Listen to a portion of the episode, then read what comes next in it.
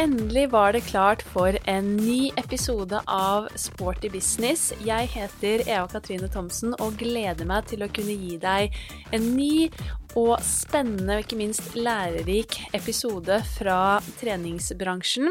Jeg håper du nå nyter eh, sommerferien. Kanskje den ikke ble helt som eh, planlagt, men håper at du har en fin norgesferie, kanskje.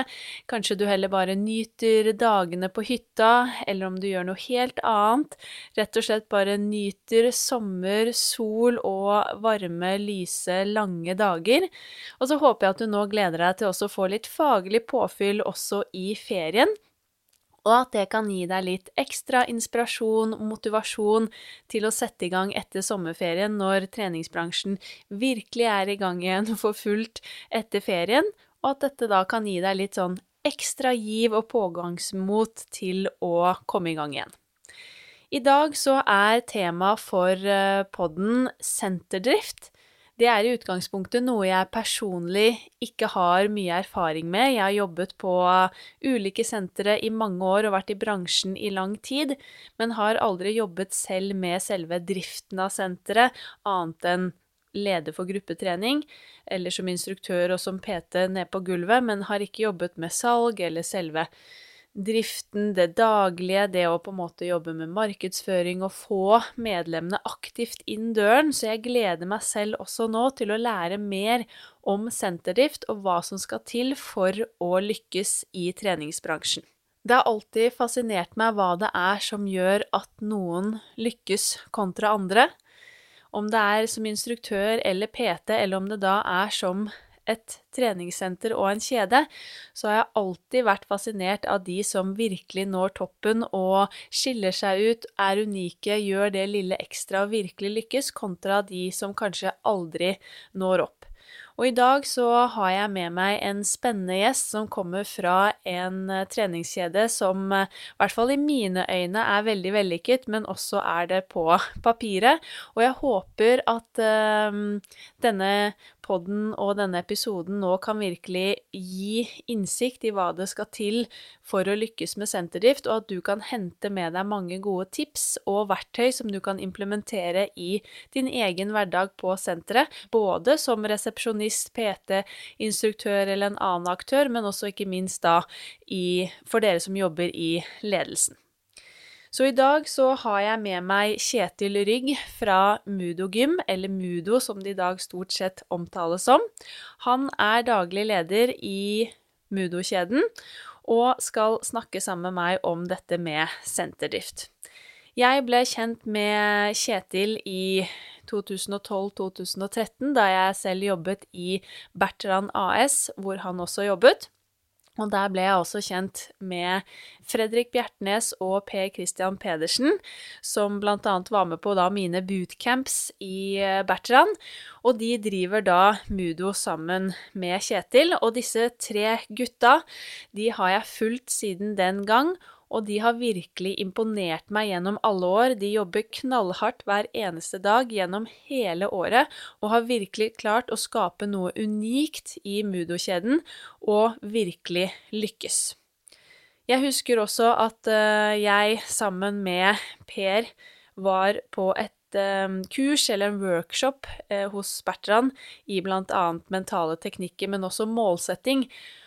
Og jeg husker hvor engasjert og utrolig profesjonell og målrettet Per var også på den tiden. Jeg husker jeg ble veldig inspirert av hvordan han jobbet med målsettingsprosesser, og hvordan han tok det så utrolig seriøst.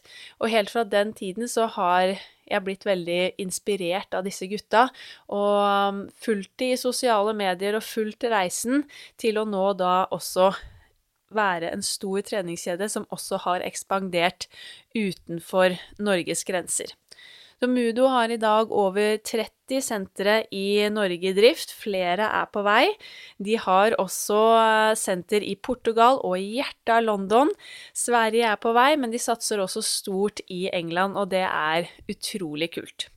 Så nå gleder jeg meg til å dele episoden med deg. og Håper du kan hente med masse ny lærdom, inspirasjon og gode råd fra Kjetil Rygg i denne episoden. Så hjertelig velkommen til eh, Sporty business, Kjetil. Veldig hyggelig å ha med deg akkurat i dag. Så bra. Dette har jeg gleda meg masse til, så det blir eh, spennende. Ja, i like måte. Jeg gleder meg til å nå høre, mm, i mine øyne, en sånn suksesshistorie om uh, Mudo og gymkjeden. For det er i hvert fall sånn helt fra jeg ble kjent med både da Fredrik Bjertnæs og Per Christian Pedersen i 2012, når jeg jobbet i Bertrand og holdt bootcamp tidlig tidlig i morgener på Tjuvholmen, og da også deg senere, så har jeg jo fulgt med på dere, og jeg føler jo at dere virkelig har vært noen som har knekt koden og lykkes i bransjen. Så jeg gleder meg veldig nå til å høre mer om hele denne historien og reisen bak Mudogym, og forhåpentligvis også noen tips og råd til alle våre lyttere om hvordan man kan lykkes i bransjen.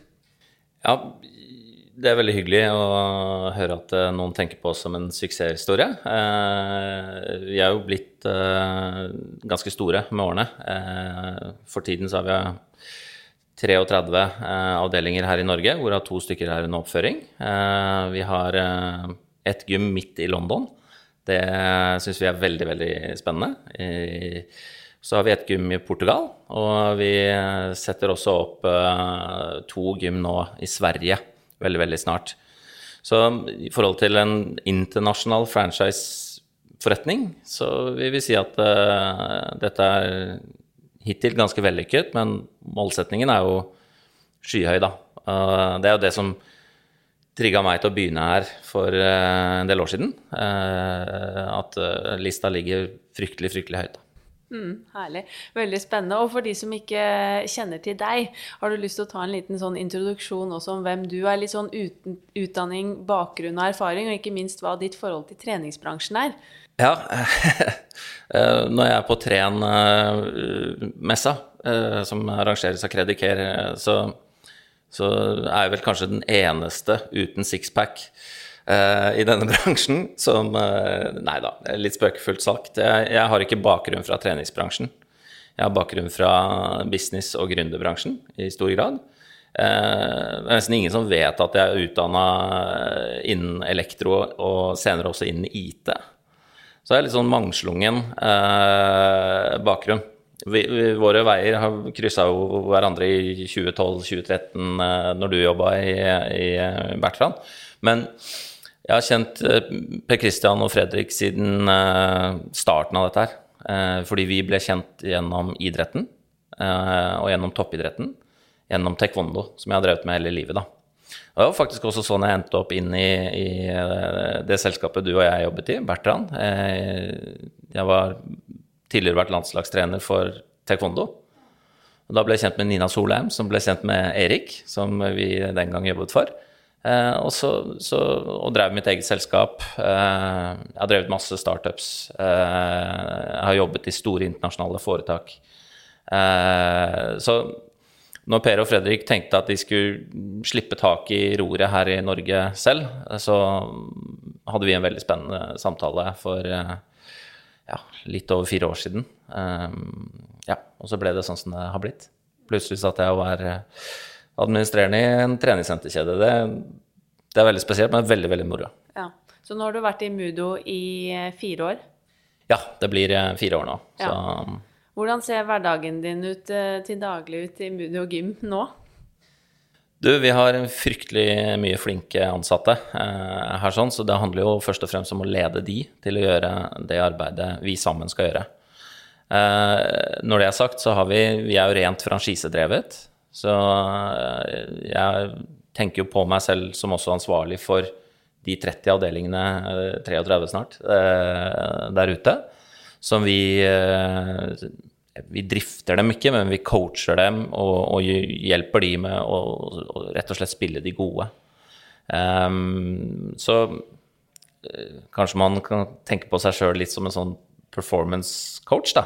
Mm. Siden vi er franchisedrevet. For det handler veldig mye om å skape riktige incitamenter for disse gründerne. Eh, jeg syns det er veldig kult, fordi jeg har jo vært der sjøl. Jeg har vært med å bygge opp små selskaper fra én ansatt til mange ansatte.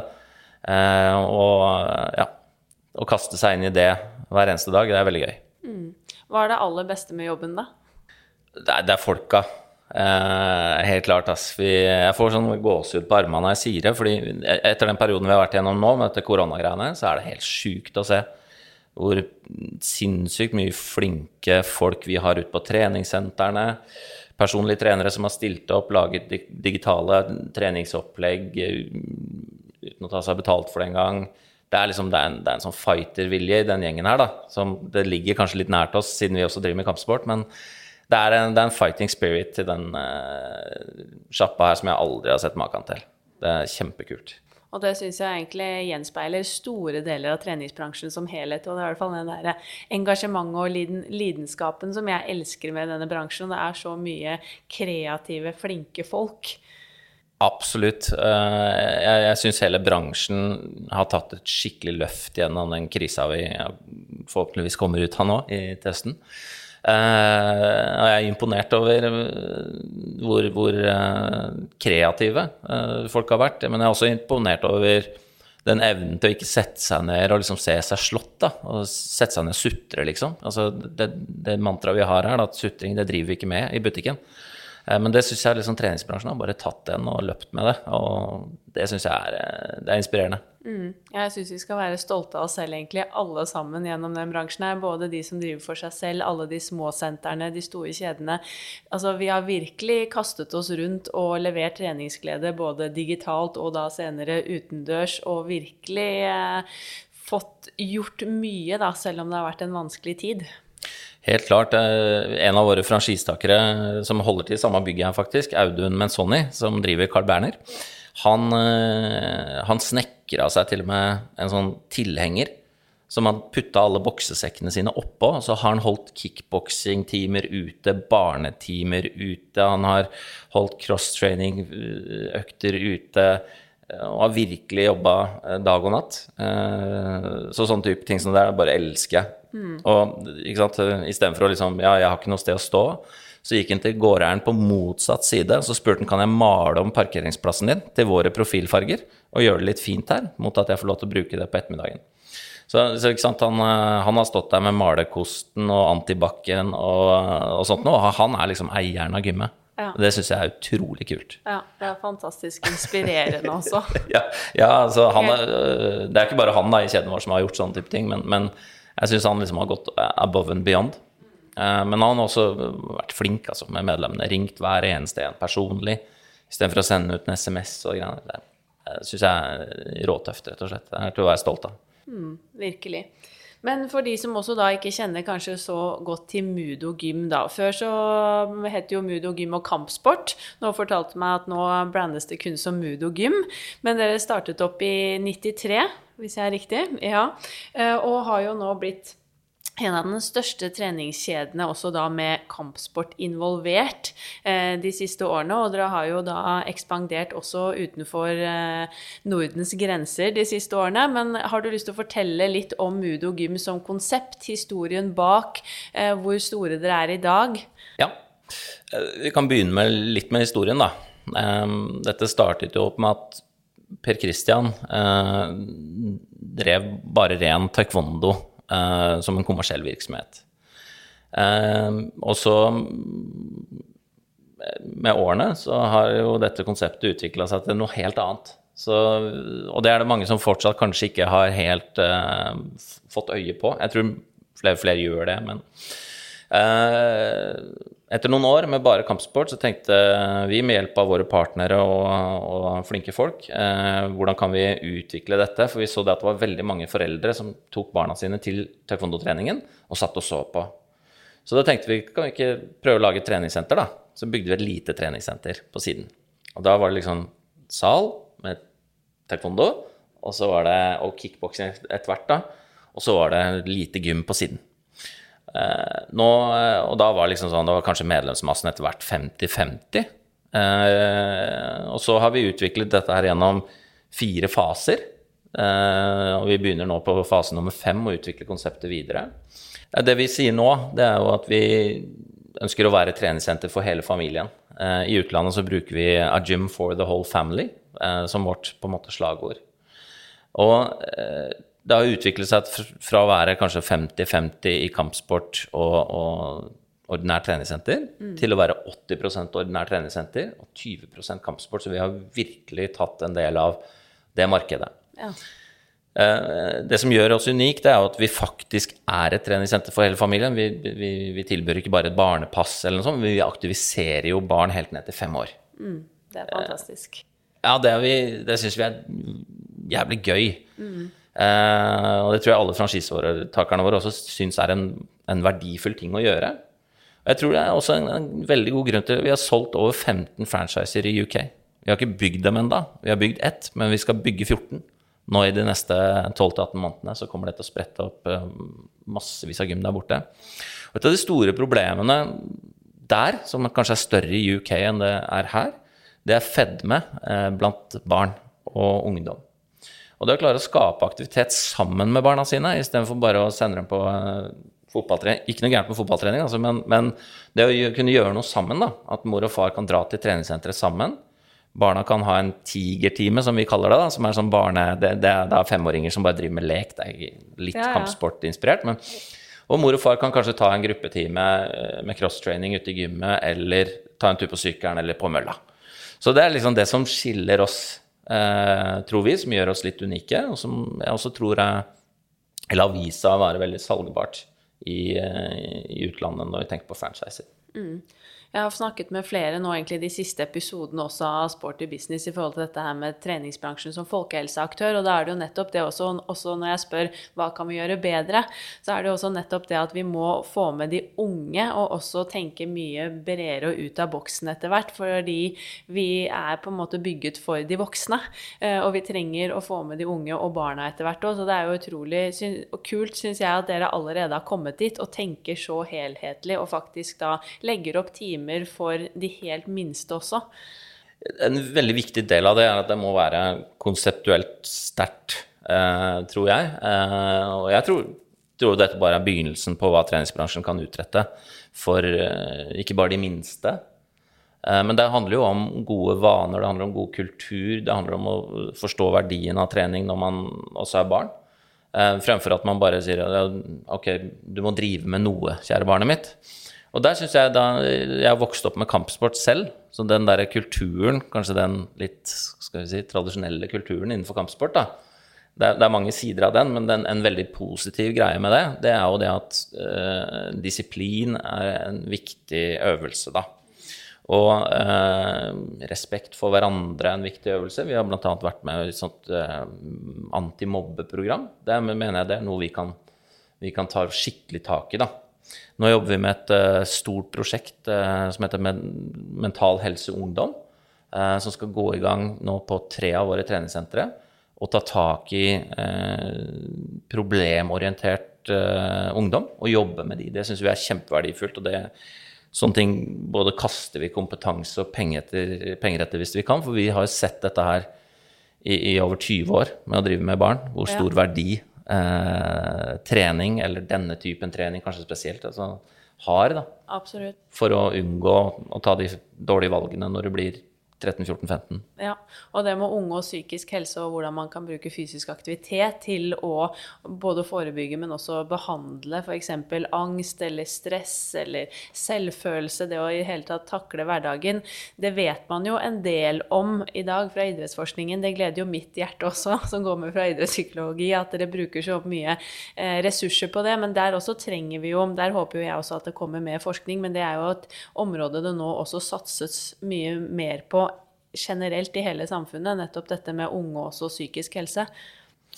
Ja, og hvis man ser på frafallet i idretten om dagen eh, Jeg leste nylig en artikkel både om, om eh, skiforbundene Jeg tror nesten Jeg tror de aller fleste særforbundene er berørt av det. Så er det en, det er en skremmende statistikk. Eh, det, er, det er mange tusen medlemmer som blir borte over kort tid. Jeg leste Kampsportforbundet har mistet 3000 medlemmer på kort tid. Um, og det er nok uh, ikke fordi man gjør noe galt i idretten, men det er kanskje en trend som kanskje man bør pelle tak i. Jeg har selv en gutt på 16. Han har trent kampsport uh, siden han var fem. Og så er det jo sånn at kampsport kanskje er noe som man driver med i en del år av livet sitt, men kanskje ikke helt fram til man blir 50, sånn som, eller 45, som jeg er. Så så når han sluttet med kampsport, hva er det da han skal begynne med? Og hvis man er på et treningssenter eh, fra man er fem år, og man vet at det treningssenteret det også tilbyr eh, fysisk trening, da. En personlig trener, gruppetimer, styrketrening, til og med kanskje mental trening, som du og jeg har jobbet med før, eh, Emma Katrine. Eh, så tror jeg da, da det, det bindeleddet der, det tror jeg er viktig. Ja, helt klart. Og det er jo nettopp det at når man driver med idrett, så kommer man jo ofte opp i den alderen da, i sånn 15-16, og i hvert fall min opplevelse også, som har drevet med idrett, var jo det at da må du på en måte velge. Enten så må du satse, og så må du da gå all in, eller så faller du litt mellom på en måte to stoler, og så vet man ikke, og så er det lett at man da faller fra, og så har man ikke noe annet å gå til. Og det er jo nettopp der treningsbransjen nå har en unik mulighet til å faktisk fange opp de unge, og også levere tilbud eh, til dem. Men sånn helt fra da jeg møtte dere som jeg ofte kaller gutta krutt i Mood og Gym i 2012-2013 så syns jo jeg har jo fulgt dere da i sosiale medier og generelt fulgt reisen deres, så jeg syns jo dere alltid har virket som dere har jobbet utrolig målrettet og veldig sånn strategisk med driften, og ikke minst det å ekspandere eh, og utvikle kjeden. Og jeg vet at dere også jobber mye med målsettingsarbeid. Eh, jeg tror ikke jeg har sett noen andre i bransjen som er eh, så rå på dette her med målsettinger, også daglig, men også langsiktige mål. Har du lyst til å fortelle litt mer om det, og hvordan dere jobber på? Ja, her tror jeg vi, den, den, idrettsbakgrunnen som vi har, den tror jeg har vært verdifull i forhold til det å sette mål. Da. Eh, jeg husker eh, Mikael Jørgensen har vi brukt mye, eh, som er fagansvarlig for teknisk idrett på Olympiatoppen. Han var også da min sjef når jeg var sånn, assistenttrener for ham. Um, det å feste et mål til en tidslinje, det er liksom alfa og omega. Folk sier jeg skal, jeg skal komme til OL, eller vi skal bygge 100 treningssentre. Og så klarer de ikke å feste det til en tidslinje og regne seg tilbake fra den tidslinjen. Og der syns jeg idretten har noe helt fantastisk. Jeg skal bli olympisk mester. Ja, Det neste spørsmålet på det er når da? Eh, jo, det blir i 2024, eller så blir det i 2028. Ikke sant? Ja, ok, hvis det er i 2024, har du mange nok timer i døgnet til å faktisk klare det? Det er det første Mikael ville spurt en Eh, eller en hvilken som helst landslagstrener ville spurt en toppidrettsutøver hvor er du i dag? De 10 000 timene, er det nok? Og hvordan skal du klare de 10 000 timene uten å skade deg eller bli utslitt eller utmatta? Sånn jobber vi med målsetninger her. Eh, helt sånn slavisk så jobber vi sånn etter målsetninger. Så hvis vi sier at vi skal bygge 500 gym innen 2025, som faktisk er målet, så veit vi hvor mange gym må vi bygge hver eneste måned helt ned til i morgen. Vi vet akkurat hvor mange salg vi må gjøre innenfor franchising denne måneden, neste måned, og vi regner det ned til hvor mange faktiske leads må vi ha. Vi veit at vi får ett ja på 500 nei. Og da vet vi at da må vi ha sinnssykt mange leads. Da vet vi at ok, da må vi bruke 100 000 i markedsføring i måneden. Mm. Så alt sammen må knyttes til den tidslinjen. For hvis du bare sier det og legger det foran deg på, på bordet, et sånn svært, hårete mål, så til syvende og sist slutter å tro på det. Mm. Og det er også derfor toppidrettsutøvere slutter. Fordi Oi, fader, jeg når ikke målet. Og veldig ofte så er det fordi at tidslinja enten er for kort, eller at du ikke har gjort regnestykket. Og jeg ser på det, og jeg vet Per og Fredrik også ser på dette her som et rent matematisk regnestykke. Målsetninger er matematikk. Og eh, det høres sikkert jævla kjedelig ut, men, men eh, alle de som har jobba mot et skikkelig hårete mål, og fått det til. De har, de har jobba systematisk, da, som du var inne på. Uh, det jeg syns Per og Fredrik har vært fryktelig fryktelig gode på, uh, lenge før jeg begynte i selskapet her, det er at man, man har jobba veldig sånn strategisk og matematisk uh, etter målsetningene, fremfor bare å legge fram et mål der og så si at det skal vi greie. jeg tror ikke Mudo Gym hadde vært det der i dag hvis ikke man hvert eneste år satte seg ned og revurderte hvor er vi, hvor vil vi, skal vi, og satte opp et sånt matematisk regnestykke og regnet seg bakover fra når skal vi få det til. Så eh, du har helt rett. Eh, de eierne våre da, som på en måte har tredd litt ut av det operative, de, de er sinnssykt gode på å måle oss ledere i alle selskapene um, på de målsetningene. Og så er det jeg som skal eie målsetningen. Uh, og det er også viktig at man De er fryktelig flinke til å delegere ut ansvaret Eh, virkelig delegerer bort hele ansvaret. Det er de veldig veldig flinke til, og det tror jeg er sinnssykt viktig. at uh, nøkkelpersoner i en bedrift får tungt ansvar, får lov til å eie målsetningen selv og, og bli målt på den, ikke minst. Jeg blir målt på dette her ukentlig. Ja. Ja. Hvor mange leads har du fått tak i i dag, Kjetil? Ja, absolutt. Og eh, da får jo man får jo mye mer eierskap, og det er jo godt å også få den tilliten eh, av de andre i firmaet, tenker jeg, for da får man jo også mye mer eh, gi. I hvert fall kjenner jeg alltid det når jeg har jobbet med folk som virkelig gir meg tillit eh, til å få det til og til å lykkes. Ja, absolutt. Og igjen tilbake igjen til toppidretten. Da. Hvem er det som til syvende og sist er ansvarlig? Jo, det er utøveren. Eh, Du kan ha så mange gode trenere du bare vil, men jobben skal gjøres. Eh, Som, som Anders Myhrvold er så flink til å si, jobben skal gjøres. Eh, Han syns jeg er konge. og Holder på med det utetreninga si og sånn, så det er inspirerende å se. Men det er, det er typisk en sånn toppidrettsmentalitet som han har bare hatt inni huet sitt hele, hele livet, ikke sant? Og, og du slipper ikke unna. Nei. Ansvaret er ditt. Og sånn er det her òg. Men er det andre ting du tenker som dere er ekstra gode på, som du tror har gjort at dere har lykkes så godt som dere har gjort? Ja, da må jeg være eh, litt ubeskjeden og si at jeg tror vi er jævlig gode på salg. Ja.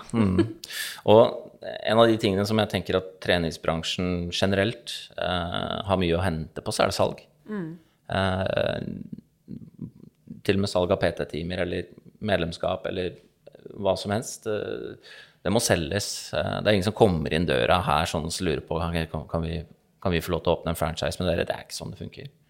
Vi må være på der og gå ut og oppsøke de. Må finne de flinkeste folka i bransjen, må finne de riktig flinkeste businessfolka. Eh, vi må oppsøke de, må være skikkelig proaktive. Bjørnar her ute, han, hvis ikke han har tatt 500 telefoner denne uka her, så har han og jeg en samtale vi skal ta. Og den blir ikke hyggelig. Eh, fordi salg handler om aktiviteter. Og hvor mange aktiviteter du gjør, det er det som gir resultatet. Der syns jeg vi er gode. Vi har ansatt en eh, sinnssykt god selger i UK som heter Simon Hayes. Uh, han er fra treningsbransjen for øvrig. Uh, en av de største aktørene uh, der borte, som heter Energy Fitness. Han kom til oss og ville selge dette konseptet. Men han er altså et skinn av en selger. Og er bare helt rå. Det er inspirerende å se. Han er, jeg trodde jeg var god på salg, men han, er, han er ekstrem. Ja. ja, for det er jo mange i, som jobber i treningsbransjen som kanskje har eh, idrettsbakgrunn eller da utdannelse innen trening, eh, inkludert meg selv som har gått på idrettshøyskolen. Eh, og mange har jo kanskje da lite erfaring med nettopp økonomi, forretningsvirksomhet og salg. Eh, og det har jeg jo selv kjent på, at jeg gjerne skulle, burde gått et år på BI og hatt litt mer business, som jeg ofte sier litt sånn spøkefullt, men det er jo noe i det. Og jeg tror jo at mange i treningsbransjen hadde hatt eh, godt av og hatt mer kunnskap om det. Men hva tenker du om det, og hvilket fokus har dere i Mudo lagt på dette?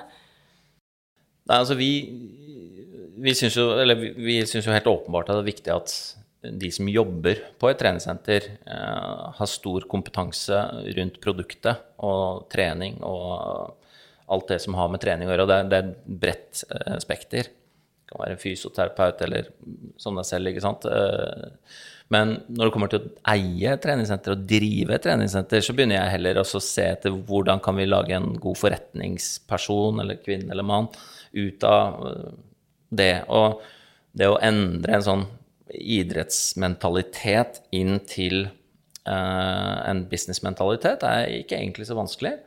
Uh, men det krever en sånn sinnssyk uh, tilstedeværelse fra den som den som ønsker å få den kunnskapen. Og det er klart Et år på BI kunne kanskje ha hjulpet deg, men jeg tror egentlig at det er en sånn, sånn franchise-system som vi har. da. Eh, vi har satt mål av å være den beste franchisen for treningsbransjen. Ikke bare her i Norge, men internasjonalt. Det, det, der er det noen svære karer som vi må slå etter hvert. Men, men det vi kan tilby, det er nettopp det. Det er kompetansen. Å utdanne folk innenfor, som du var inne på, ledelse, salg. Eh, fordi du må, du må ta av deg eh, tightsen noen ganger. Hvis du skal eie en butikk i treningsbransjen, så må du ta av deg tightsen, og noen ganger ta på deg skjorta. Eh, kanskje til og med en dressjakke. Når du skal i et møte med en gårdeier eller banken eller alt det greiene her, som har vært ekstremt viktig nå i den tiden vi har vært gjennom. Eh, så, så tenker jeg da, da du kan til og med kanskje tillate deg et slips i ny og ne. Nei, det er bare for å sette et bilde på det. Det har ikke så mye å si hvordan du går kledd, det er ikke det jeg mener. Men, men det at du må klare å sette deg i den posisjonen um, og ta det på alvor. Og ikke minst ikke tro at du kan alt. Jeg kan ikke alt. Jeg kan veldig mye mindre om trening enn det du kan. Um, og be om hjelp.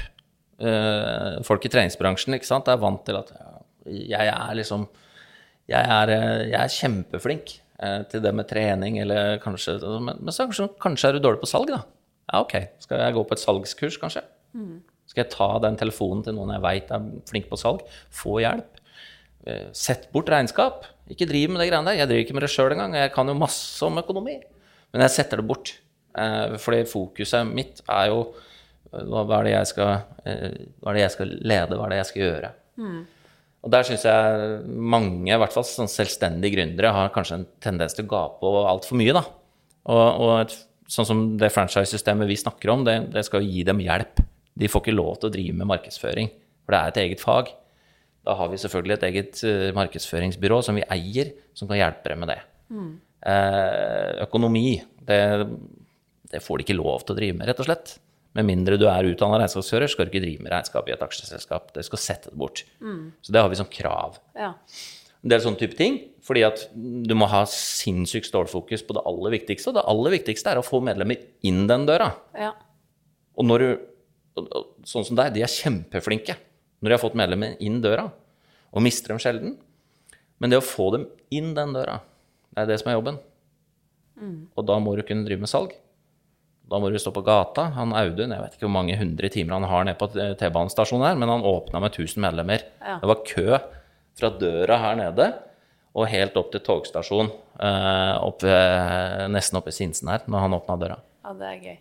Men da har du skjønt det. Ja, ja for jeg, eh, hvert fall litt min sånn opplevelse og erfaring fra mange år i bransjen er jo det at mange tenker at de syns det er gøy å trene. De har drevet mye med trening selv, de har lyst til å dele denne treningsgleden med andre, og det er jo fantastisk. Og så setter man i gang og kanskje starter et senter, og så glemmer man litt alt det administrative som ligger bak, alt det som må være på plass, og det man kanskje ikke kan noe selv, eh, særlig, noe særlig om, da. Mm. Og så er det det som kanskje også blir det som rett og slett ødelegger den drømmen eller muligheten for at man lykkes. Og det er jo også veldig synd. Så jeg syns det er fantastisk sånn som dere legger opp den franchise-virksomheten dere har. Og så nevnte du det at dere har faktisk også da et eget markedsføringsfirma eh, inhouse. Kan du fortelle litt mer om det? Ja, du, det var en idé Per Fredrik og jeg begynte å drøfte, fordi vi så det at her har, her har vi en lang vei å gå. Eh, senterlederne våre, eller sentrene våre, har en lang vei å gå. Og så um, snakket vi med en av franchisetakerne våre som kommer fra treningsbransjen, som heter Marius eh, Skogsrud, som driver avdelingen vår på Ulsrud, som for øvrig er uh, fryktelig vellykket. Han kom fra reklamebransjen. Uh, nå eier han to uh, sentre i kjeden. Um, og han hadde helt åpenbart knukket en eller annen kode med det med Facebook og Google og digital markedsføring. Så vi spurte han om han kunne være interessert i å starte et firma med, med oss. Så vi eh, eh, Konsernet eier deler av selskapet, og så eier han også en stor del av selskapet. Um, så han er nå da markedsføringsbyrået til alle 30, eller 33 snart, eh, treningssentrene, eh, også i utlandet. Slik at vi har sentralisert en funksjon som bare jobber for oss. Sånn at vi ikke vil ha 30 forskjellige byråer eller at uh, senterlederen skal sitte med dette sjøl. For er mange som tror de er sykt gode på markedsføring i sosiale medier, som ikke er det. Og det eneste som forteller sannheten, og som jeg sier til alle, det er at tall ljuger ikke. Så hvis du selger dårlig, så er du enten ikke gjort noe for å selge. Altså du har ikke vært på gata, du har ikke hengt opp plakater, du har ikke gjort det alle veit at man må gjøre. Eller så er du, er du dårlig på markedsføring. Så hvis folk er dårlige i vår kjede, så er det bare Da setter vi på time, og så går vi og får jobben gjort. Mm. Herlig. Og det er ikke mange jeg har i hvert fall ikke snakket med noen ennå, som, i hvert fall i litt mindre kjeder også. Altså, det er jo ingen som har egne folk på markedsføring. Det er i hvert fall sjelden, og i hvert fall sjelden eh, i, eh, på små sentre, så er det jo ofte sånn at én må gjøre alt. Uh, og så Jeg også syns jo det er ganske unikt at dere også har satset så stort på den delen. Og det tror jeg også er en god grunn for at dere lykkes så bra. Ja, og dette selskapet som heter Digistar, det har fått en pangstart, mye takket være at Marius har vært flink til å selge inn tjenestene. Men, men eh, det er jo det er en rimelig tjeneste for de sentrene.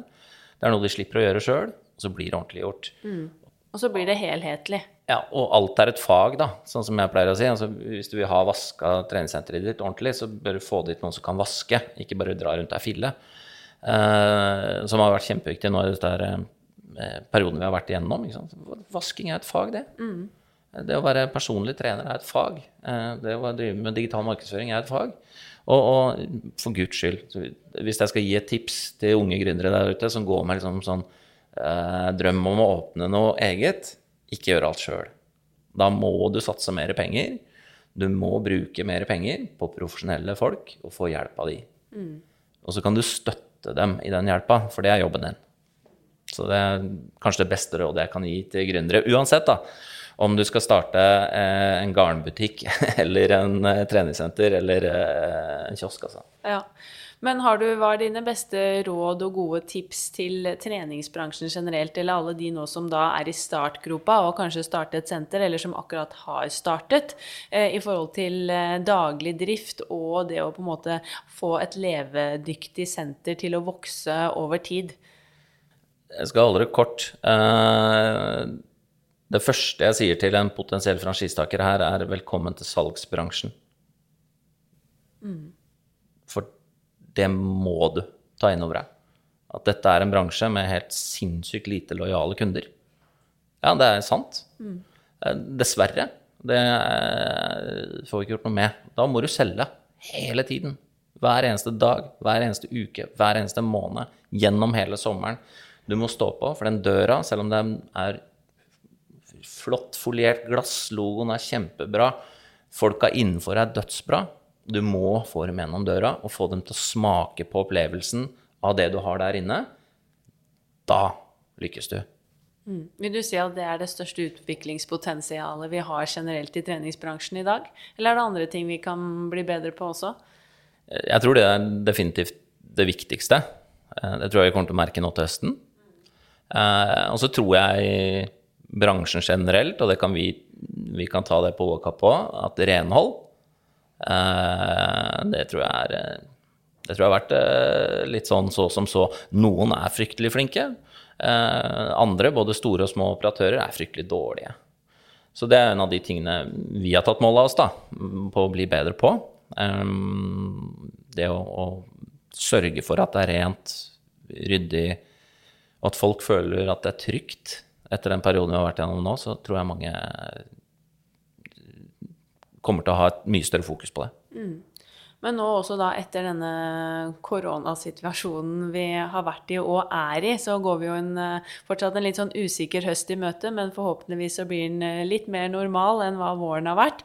Har du liksom noen tanker om hva vi i treningsbransjen bør gjøre for å nå lykkes igjen, og på en måte klare å da fange og få disse medlemmene inn? For du sier jo da at salg er liksom alfa og omega skal du lykkes, men for de som nå kanskje hører på, og som sitter rundt og tenker at ok, jeg skal bli, må ta tak i dette og bli dyktigere på salg, men hva gjør jeg? Hvordan skal de gå fram sånn rent praktisk? Jeg har jobbet med salg eh, mange, mange år, og i mange forskjellige bransjer. Og ofte så er det selvfølgeligheter. Folk veit hva de skal gjøre, men de gjør det ikke. Så jeg syns folk bør se seg sjøl i speilet tidlig på morgenen og si i dag skal jeg ut, og nå skal jeg kverke 15 frosker. Altså jeg skal ha 15 nye kunder. Og på si det til seg sjøl i speilet "Mm, i dag skal jeg greie det. Uh, og ikke ta hele ansvaret aleine, men få det til og gjenspeile seg til alle som jobber på senteret. Uh, en personlig trener, hvordan skal han eller hun klare å få tak i tre kunder i dag? Og så er det kanskje en resepsjonist som sitter bak der og er på Facebook og driver med noe teambooking og sånn. Hvordan kan vi få motivert hun til å bli med ut på kjøpesenteret, eller han ute på kjøpesenteret, og si ok, i dag skal du også greie tre salg. Fordi at du greier ikke 15 salg alene. Hele, hele staben må være med. Kanskje ikke hun som, eller han som vasker, men, men eh, alle må tro på det der at ok, det, er, det handler om å få de 15 kundene inn i dag. Hva gjør vi? Ja. Og hvis det er én ting som jeg tenker på, hvis, hvis lommeboka er tom, da, du har ikke råd til å markedsføre, du har ikke råd til plakater engang, så har du i hvert fall råd til å ta på deg den T-skjorta som det står personlig trener på ryggen, eller senterleder. Gå ut der på kjøpesenteret, spørre om lov til å stå der og snakke med kunder. Holde en liten stand. Vi kan til og med holde en liten oppvisning. Vi har en boksesekk der ute. Kan putte på sånn som måler hvor mange slag du klarer. Lage en liten konkurranse. Det koster ingenting. Men det er aktivitet. Uten aktivitet så stopper det opp, så gjør noe istedenfor å bare sitte på ræva og ikke gjøre noen ting. Og tro at det kommer kunder inn døra, for det skjer aldri. Mm. Og ikke minst det du sier, at hele, hele staben må være med. Det er også nevnt i flere andre episoder, men dette her må involvere resepsjonistene, gruppeinstruktørene, PT-ene, og alle må kjenne til produktet, alle må vite hva alle gjør på senteret, sånn at man kan selge hele senteret som en helhet.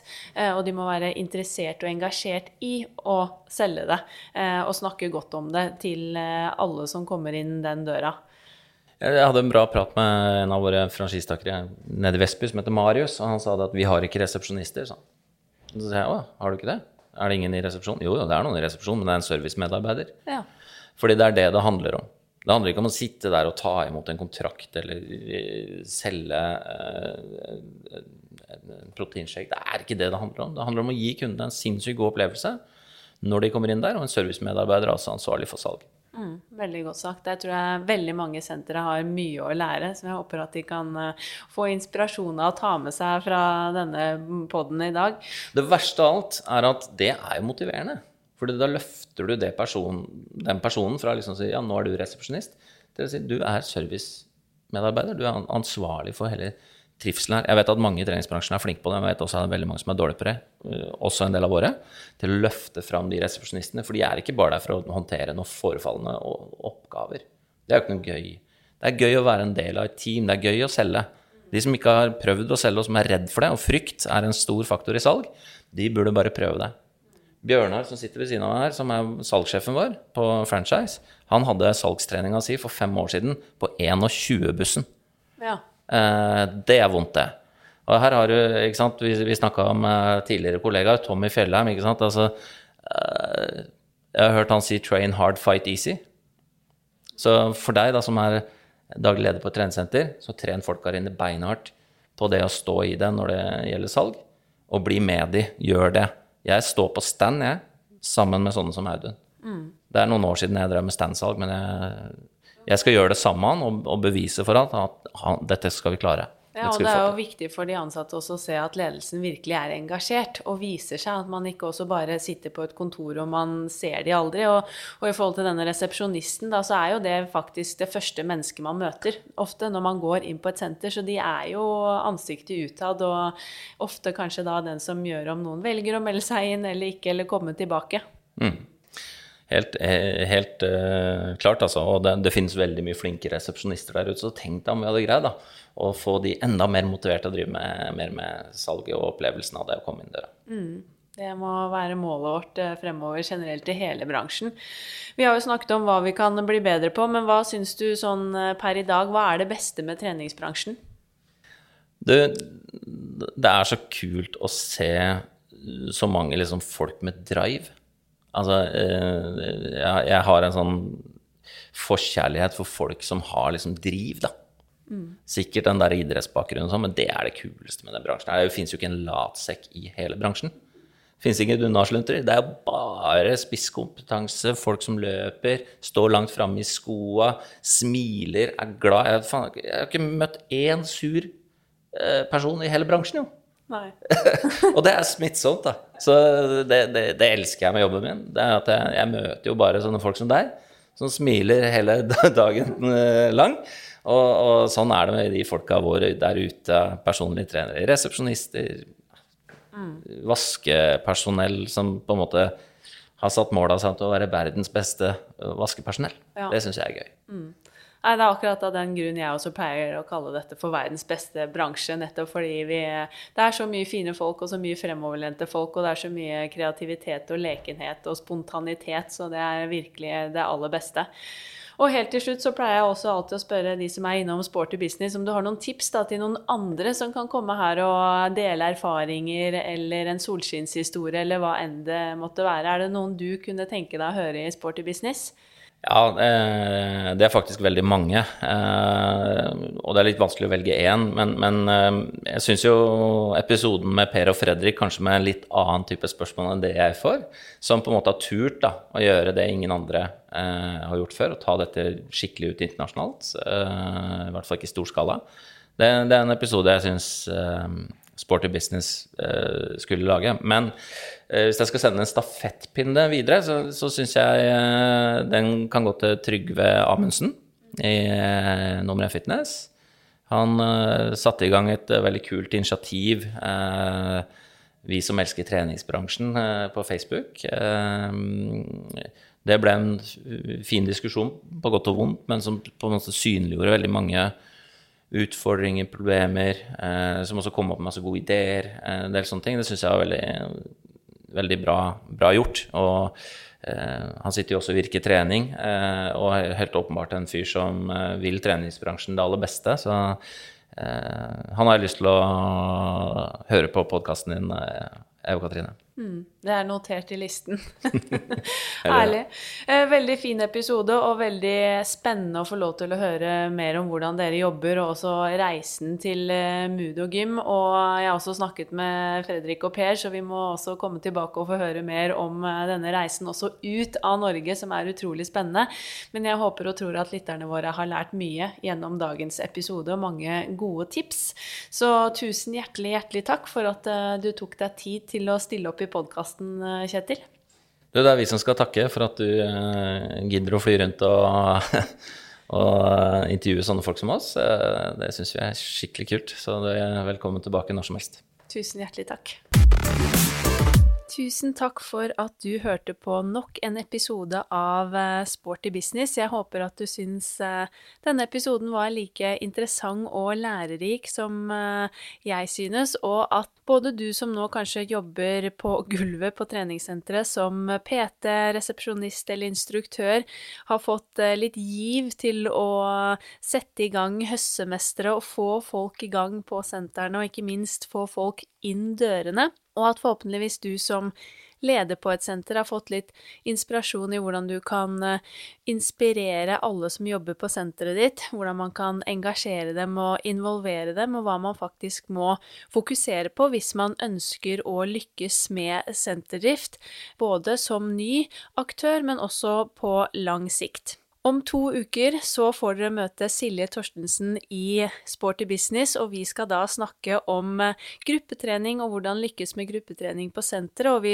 skal også snakke om dette om gruppetrening faktisk er eh, effektiv trening eller ikke. Så for alle gruppetreningsentusiaster så kan dere nå bare glede dere til en ny episode om to uker, og så kan dere kose dere med den også nå i sommerferien.